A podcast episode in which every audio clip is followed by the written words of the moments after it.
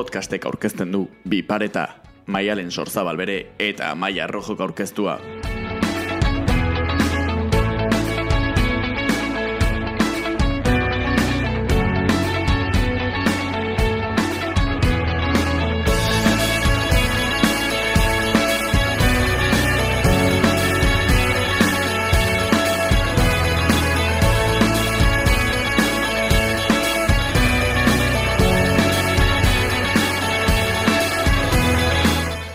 Oraintxe bertan podcast bat entzuten ari zera. Interneteko audio bezala ezagutu genuena podcast deitzen da orain. Gaur egun, plataforma digitaletan musika entzutea bezain ohikoa da hauek entzutea.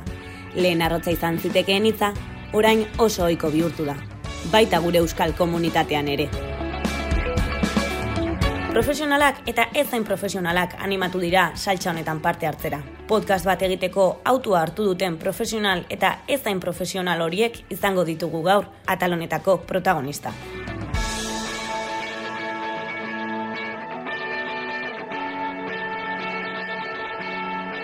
Rest, az gaitezen ba!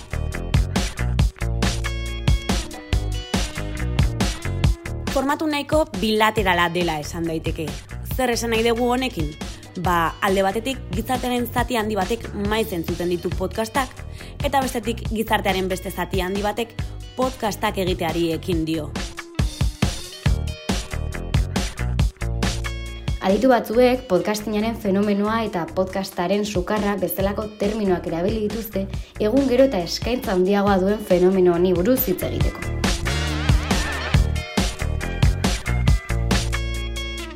Nork egiten ditu podcastak? Beti bezala denetarik dago. Irrati esatariak, divulgatzaileak, kazetariak, eduki digitalen sortzaileak, telebistan arrakasta izan duten aurkezleak. Duela segundu batzuk aipatu dugun moduan, profesionalak eta ez zain profesionalak animatu dira saltza honetan parte hartzera.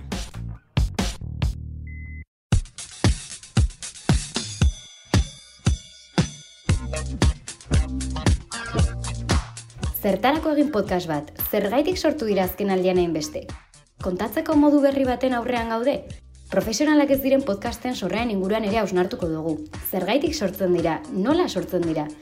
Baliabide merkeagoak ditugulako? Zerbait kontatzeko dugulako? Denok dugu mikrofono baten aurrean zerbait esateko? Eta era berean norbaitek entzuten gaitu? Horrek inporta du.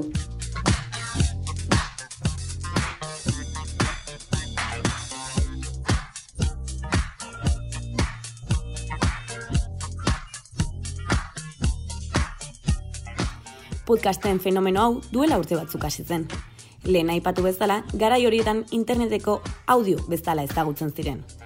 Astapen horien lekuko izan ziren esaterako Ana Isabel Morales, xerezade podcastaren egilea, DJ Makala, bere musika saioekin, Gorka Julio, Etzi Podcast eta Barren erantzulea, eta Oier Arantzabal, barruan gaude podcastaren egilea beste askoren artean. Fenomeno hau pilpilean hasi aurretik, Euskarazko podcast gintzaren aldeko apostua egin zuten euren aletxoak jarrez. Zuzeu podcastek ere horrelako zerbait egin zuen 2000 eta emeretziaren hasieran. Hainbat podcast sortu zituzten.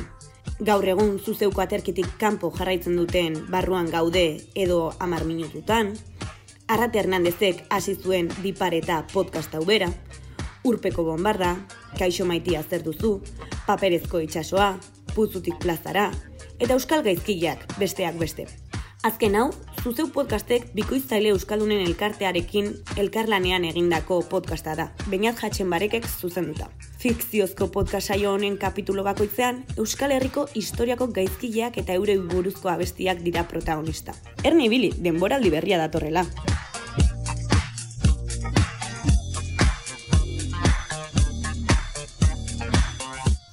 Astapenetako lekukoetako batekin hitz egingo dugu gaur. Ana Isabel Morales da bera.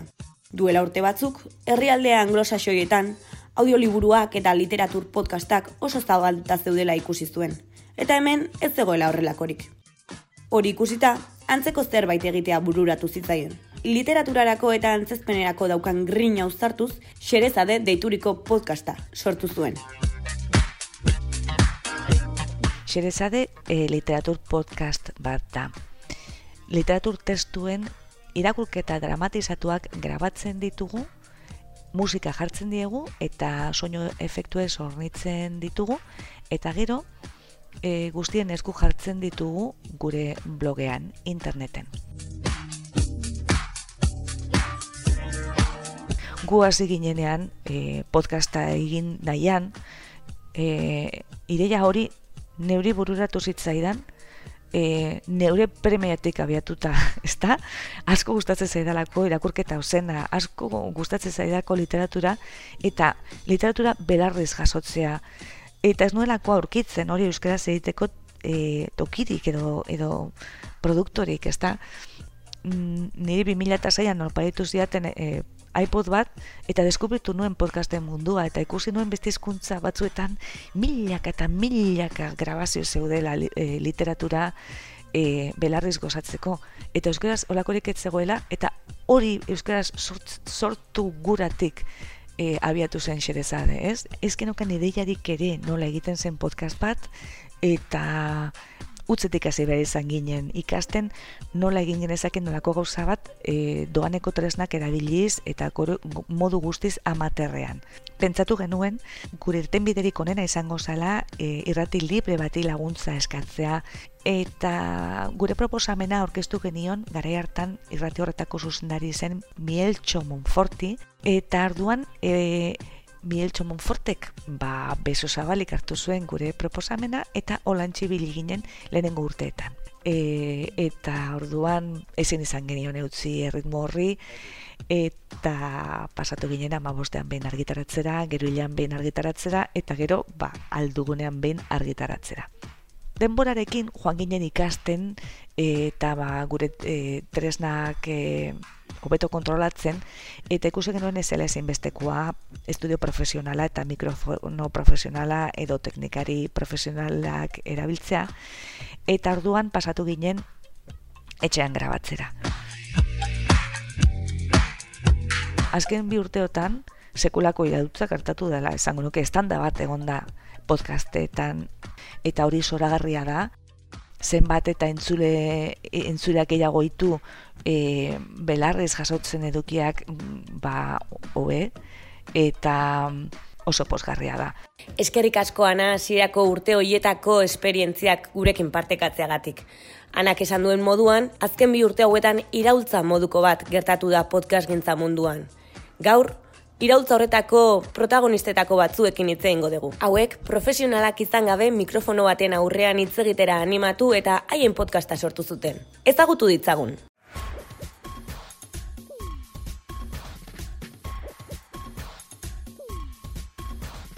Baragua utziz.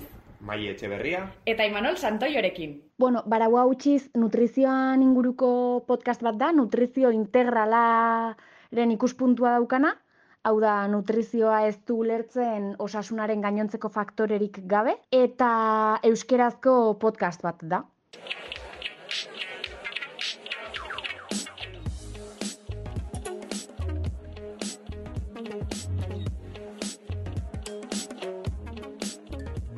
Kaixo, Eta ongi etorri Kirolari Gaitxuneko beste atal batean. Kirolari Gaitxun da podcast saio bat eta emakume kirolari ezberdinen bizipenak ditxu ardat. Garagortea, Nafarroako koroak babestutako saioa. Bueno, ez bairik gabe, Garagortea munduak behar zuen podcast monarkiko Nafarra da. Horrez da guinorako Aixo guzti hori, hau zarramarra da! Postumorearen epitemo abstraktua! Ez da gitzean edan zer dan zarramarra, nik uste dut zarramarra dela diru publikoa xautzeko beste aitzaki bat. Bueno, bi pentsakera edo dauz ez da, batetik eh, hori eta gero beste pentsakera esaten dagoen hildotik, ba, zarramarra da, oinatin abiatutako uh, humorezko proiektu bat, e, gazte batzu martxan jarriako humorezko proiektu bat. Mm, proiektu hori late night e, bidez eta podcast bidez azaleratu du. Eta, bueno, da, humorearen marrazara da gure gure lema, ez da, nik uste horrekin e, ulertu lekela zeinan gure asmua. Aba, kaixo danoi, egunon, arratsaldeon edo tagabon danoi, hilekoaren laugarren atala da. Hau, iritsi gara. Hilekoa podcasta kapritxo bat da. Horrela definituko nuke. Zegia esan, noski gustatuko litzaidakeela esatea, eh, hasiera hasieratik entzuleari begira sorturiko produktu, produktu, saio, eh, erdiegi, erdi gezurre multzoa, dena dela, eh, sorturiko podcasta dela. Baino nik uste em, berez gure komunikatzeko behar hau asetzeko egiten dugun ariketa publikoa dela, ez? Porque ja, 2008 bigarren urtean, e, mende honetan, nik uste e, argi geratu dela, e, ez dugula pribatuan ezer usteko nahirik edota desiorik, eta nola gure bizita osoa sare sozialetan ja partekatzen genuen ez, ba, esan genuen bagoaz, podcast bat egitera, non gure bizitza partekatzen dugun, eh? Norbaiti interesgarria iruditzen bazaio, pues, aurrera. Ilekoa podcasta da melodramari omenaldi bat, albistegietan entzuten ez diren gaurkotasunezko gaiak jorratzen dituen saioa, eta bere intensidadean beti ere umorez lubrikaturiko eziketa tresna. Bum, bum, bum, Booktuber Literatura hitzaki hartuta edo abia puntua ian hobeto esan da, ba, interesatzen zaizkigun kontuak komentatzeko podcast bat da e, eskuartean. Lagunarteko foro bat, elkarri ba, liburuak gomendatzeko eta esperientziak partekatzeko. Zutan bang e, kolektiboko kideok elkarrekin egiten dugun esperimentu bat da gehiago.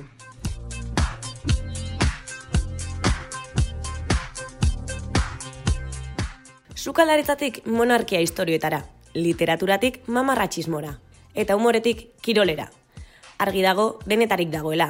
Baina, ei, nola hasi zineten? Hale egiteke ideiarekin behintzat pandemia aurretik hasi ginela. Utxune bat ikusten gendun. Azkenen biok kirolkazetarik izan gea eta gure lanen dauzkeun ordutegikin, o bete beharreko programaziokin, o zuzeneko emankizuneko ba, kondiziokin eta abar, ikusten gendun utxune bat zeola, eta utxune hori bereziki emakumezko tantzeola. Momentu baten, ba, ideia bate hontzan, esan ez, jo, Engo bagendu Euskaraz, Euskal Kirolari emakumezkokin zerbait, baina bueno, hortan gelditu zen. Geo pandemia iritsi zen, ni Madrida ju nintzen. Orduan, e, iraien gelditu ginen, eta esan gendun, bueno, baliabidek badauzkeu, bai, kontaktuk, usten gendun baiet. Eta, eta esan gendun, venga, junbarra daukeu edabide hegemonikok juten ez dien puntu horta, lantzen ez dituzten e, puntu oita, eta benetan berriro ere bigarren plano baten gelditu dien emakume hoiek ezagutzera, ezagutzera ematera, ez da? Bueno, Zarramarra 2008 bukaeran hasi zan, izatez gure helburu nagusisa late night antzerako programa bat ikia zan. Hortik gutxira pandemia etorri zan, beraz ezin izan geben presentzialeki danok geratu, batu eta geukan planak burutu, haunek plan honek atzeratu inbiar izan geben. Orduan bitartean zerbait egitearren ba, podcastan ideia sortu zen eta norberak bere etxetik, ba, bueno, e, Zoom edo Skype edo alako bideo dei xen bitartez ba, lau bost pertsonok podcastak e, iken hasi ginen gonbidatuekin. Hasi ginen oin Nasun da akordatzen, ba, konfinamenduan ustian izan zen. Ondo pasatzeko asmoa zeukeun, egia da, behitu, e, asmoa zen nik e, mai bat erosin hauen, eta podcast bat iteko guan auken etxetik besterik gabe ondo pasatzeko eta praktikan jartzeko, eta, eta bueno, ba, e, momentu horretan irratian ezin hauen hain, ba, etxetik egin nauen, eta, eta bueno, ba, jaten interesgarrixa, eta iruditu jaten e, ba, politxezele egizena zala, ba, kolaboratzaileekin itia, eta ez dakiz zer. Eta bainateri komenta honotan, bainatekin grabatu nagoen olako probatxo bat, eta konturatu ginen, ostia, ba, hor basauela zerbait, ez? Gure artean ba, kimika hori basauela, e, diferentia gare eta nik uste dut kontraste horretan bueno, ba, badauela zerbait politxa izen leikena eta eta ondo pasatzeko asmoakin egin beste barik. Ideia nik uste toain dela pare bat urte edo hasizala sortzen. Baino lanean benetan ba 2021 bateko udaran amaienan hasi ginen. Eta zertarako bazkenean e, nutrizionistak izan da gu, e, gabezia bat ikusten genuen, e, guk kontsumitzen genuen eduki guztia gaztelaniaz edo inglesez zeon, eta ikusi genuen behar bat, ba, gizarteak ere eduki eguneratua eukiz ezan nutrizioan inguruan, e, esan bezala ikuspegi integral batetik, eta euskeraz.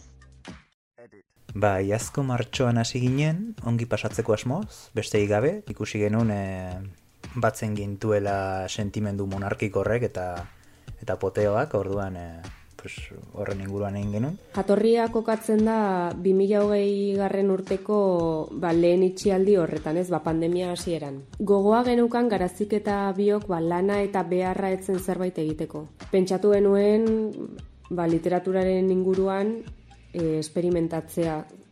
Zeren ikustet, ba, gehien bat egiten duguna dela, ba, esperimentazio bat, gehiago, ba, jolas bat, ez da zerbait serioa.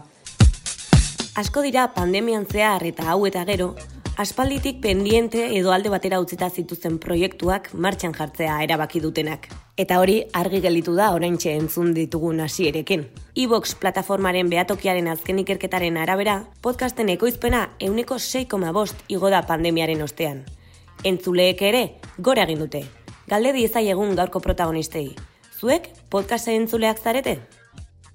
Ni oso oso oso podcast zalea naiz. Kuntza batian baino gehiotan kontsumitza ditut, zere zuzeu, zuzeuko podcastak, e, gehien gehien entzuten detena barruan gaude, baino, bueno, gainontzeko podcastak ere entzute ditut, ez da inbesteko maiztasunakin, baino, baino bai. Baino egia esan, bai ikusten dut utxune handi xamar bat e, podcast gintzan euskeraz. E, naiz eta ba, indarra hartzen nahi dian, eta gauza berriak sortzen nahi dian, ba, ba indikan ere hor e, beharra edo tokia bintzat ikusten dut.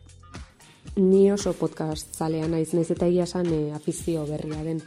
Archipelagoa adibidez asko gustatu zait, e, da podcast formatuan egindako serie bat, gidoi oso ona dauka etxe berria nahiena, soinu teknikariak ere flipanteak, e, Iazko, ba, nik uste deskubrimendu honenetakoa izango dela dura, dudari gabe. E, inglesez e, asko entzuten ditu true crime generokoak, e, hau da, ba, e, benetako krimenen inguruko kontaketak e, direnak. Gero gaztelaniaz, adibidez, ba, estirando el txikle, deforme semanal, pobre ratas, edo, hau oso neruitzen zait, e, Samantha Hudson eta Jordi Cruz hartatakeko. Jordi Cruzek egiten duten sigesai podcasta.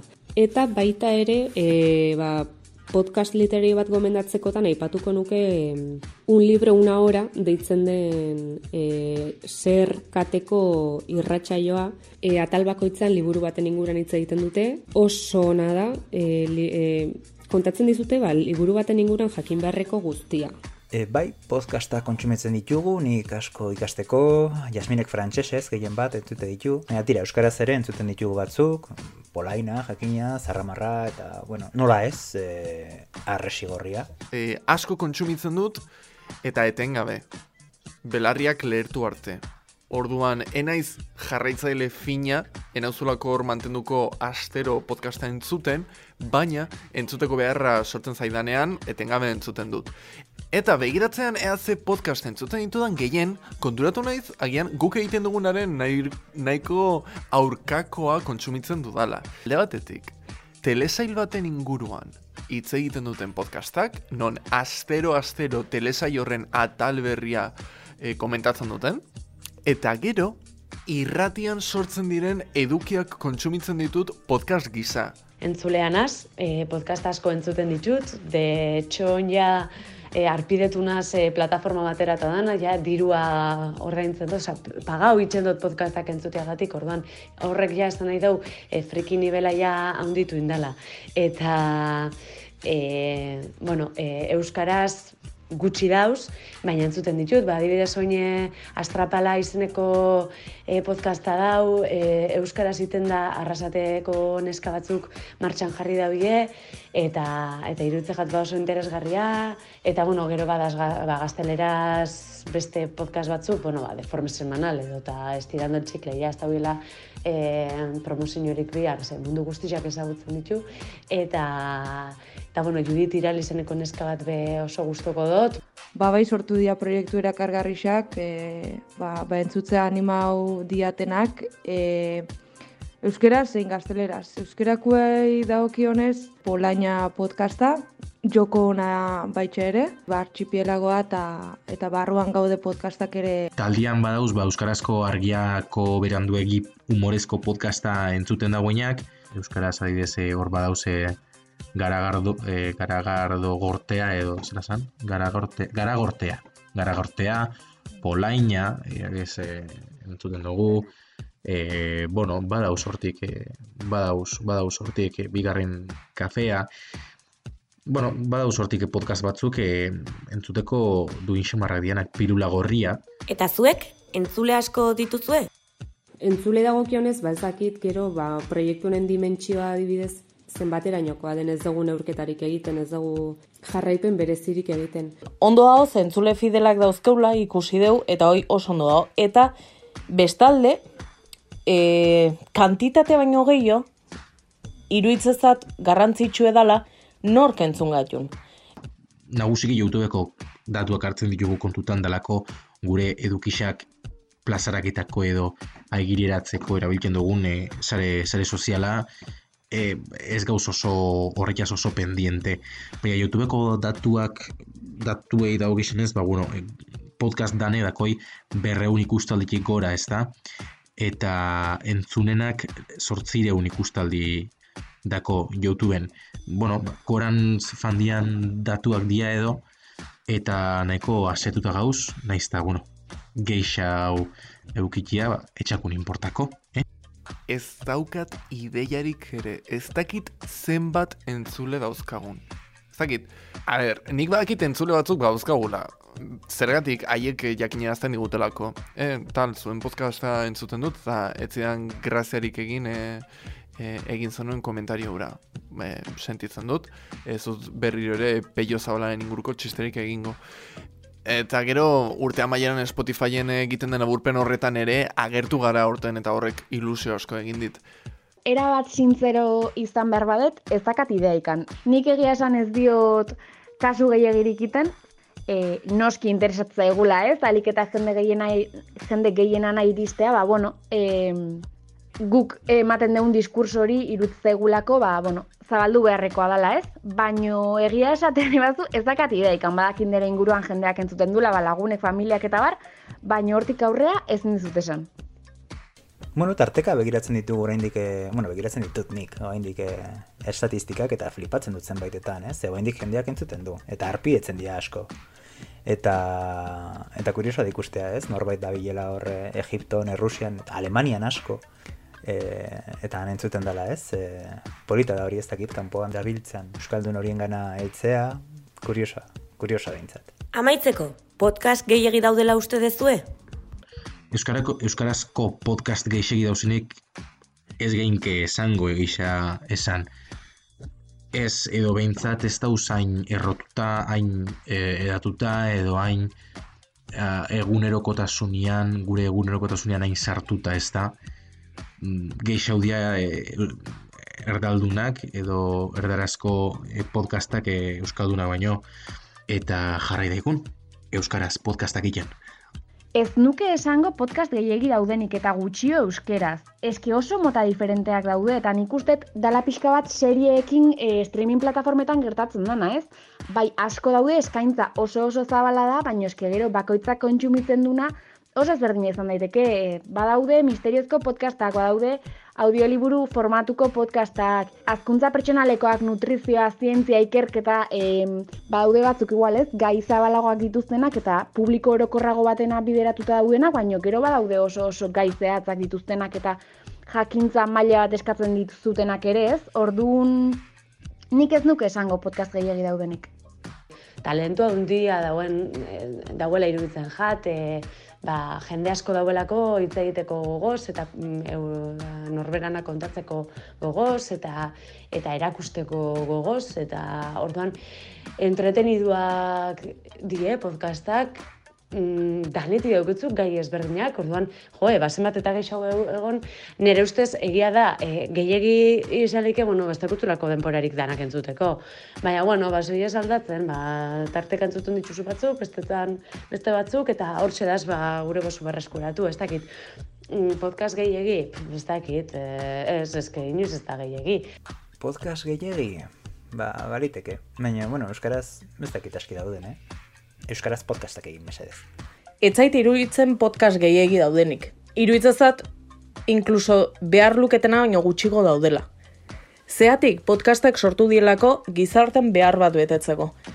Gizartek zerbait eskatzen du, edabide tradizionalak edo edabide hegemonikoek ematen ez dutena. Eta horrekatik sortu die podcastak. Podcastak sortu die erantzun bezala, utxunek betetzeko. Eta orainik ere iruditzezat utxune asko daudela betetzeko.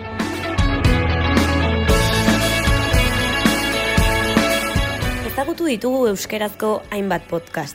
Ezagutu ditugu ere mundu honek eztan egin aurreko esperientziak, baita gaur egunekoak ere. Ezagutu ditugu mikrofono aurrean jartzeko arrazoiak, ilusioak eta istorioak. Euskaraz podcastek gora egin dute bai, baina oraindik gehiago egin dezakela kontatu digute. Atal hau ezin dugu amaitu, guk geuk ere sortu genuen podcasta aipatu gabe. Polaina podcasta sortu genuen Amaia, Mikel eta Irurok gaur elkarrizketatutako asko bezala pandemiaren ostean pendiente gelitu zen proiektu horietako bat izan zen gurea ere. Durra barra prekupazioa loak entzen zizkidan gauzak, taia ez, txapapotea. Nintzen, esperta txapapotean, ez udan bakarrik, neguan ere. Osea, ni nintzen joan oera txapapoteakin. Run, run, run, run, run. Basango izuet, sentitzen nintzela pixkat, akosatua bi pertsonaia mitologikorien partetik, ez? Zirela, olentzero eta marido mengi. Urte osoan zehar, beti esan izan da ikastolan, guraso eta hola, txintxo portatu, olentzero eta marido mengi, begira dauzkagula, urte osoan zehar. Eta nik hori hartzen un super serio. Eta orduan, ba, pasatzen zitzen zerbait, en plan, ai, zelotxa. Bal, bakarrik itzaiten un, ai, ama, honen zera eta marido mengi ikusiko Nik irratian esan una. Lehenengo guna eta, bueno, ba, Mikel, eta horre bai, Mikel, eta, bueno, kaixo Mikel, eta nik zen ongi etorri.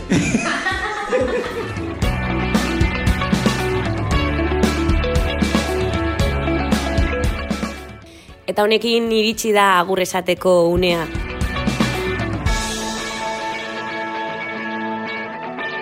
Eskerrik asko biparetaren atal honetan parte hartu dezuen guztioi eta badakizue euskeraz podcastak egiten jarraitzera. Urrengora arte.